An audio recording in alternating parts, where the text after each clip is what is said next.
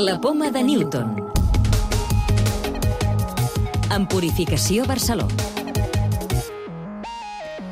Avui analitzem el perill que poden suposar les noves variants aparegudes del SARS-CoV-2. També viatjarem fins a una estrella pròxima a la Terra i sabrem més coses sobre les afectacions cognitives de la Covid-19.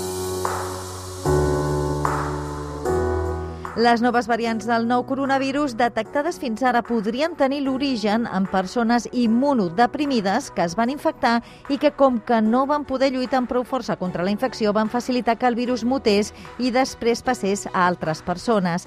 És l'opinió d'alguns investigadors, com el cap de microbiologia de l'Hospital Vall d'Hebron, Tomàs Pomarola. En el malalt immunodeprimit eh, que té una infecció per coronavirus i que intentem tractar aquella infecció, el gran perill que tenim aquí és seleccionar mutant resistents en aquell tractament, que aquestes mutacions no siguin causa de disminució de l'eficàcia biològica del virus i que es pugui transmetre.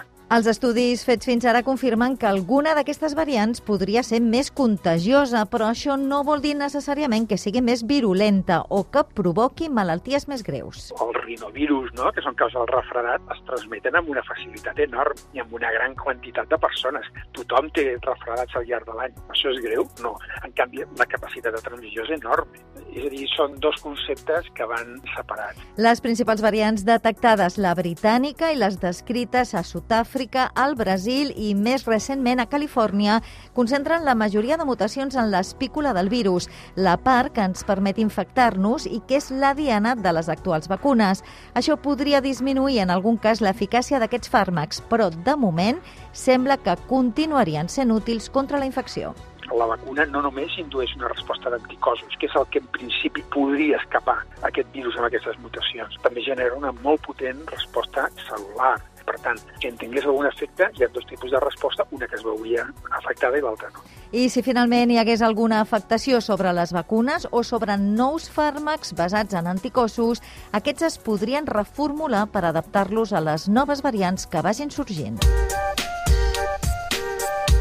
Més coses. El projecte espacial Carmen és dedicat als exoplanetes. Ha descobert una superterra a prop del nostre sistema solar. Es tracta d'un planeta més gran que la Terra, calent i de composició rocosa, la qual cosa el converteix en un bon candidat per estudiar les característiques d'altres exoplanetes.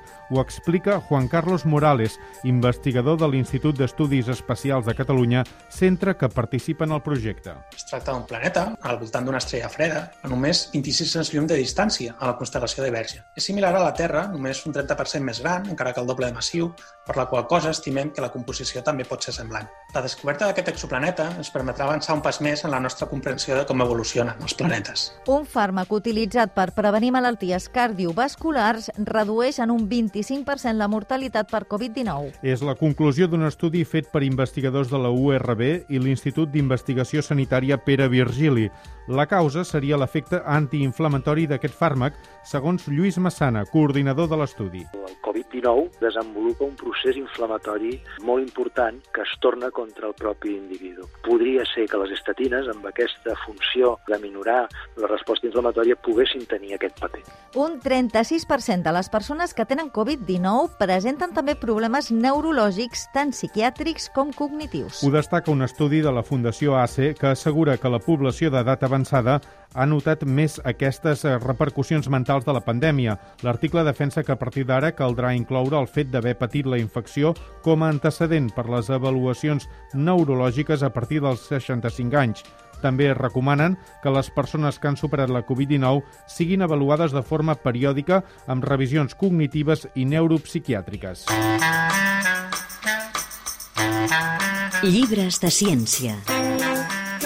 Avui us proposem recuperar un clàssic de la ciència que s'acaba de reeditar i que ens ofereix un repàs emocionant dels primers científics que es van submergir en el món dels microorganismes. Es tracta del llibre Cazadores de microbios del microbiòleg Paul de Cruyff, editat per Capitán Swing.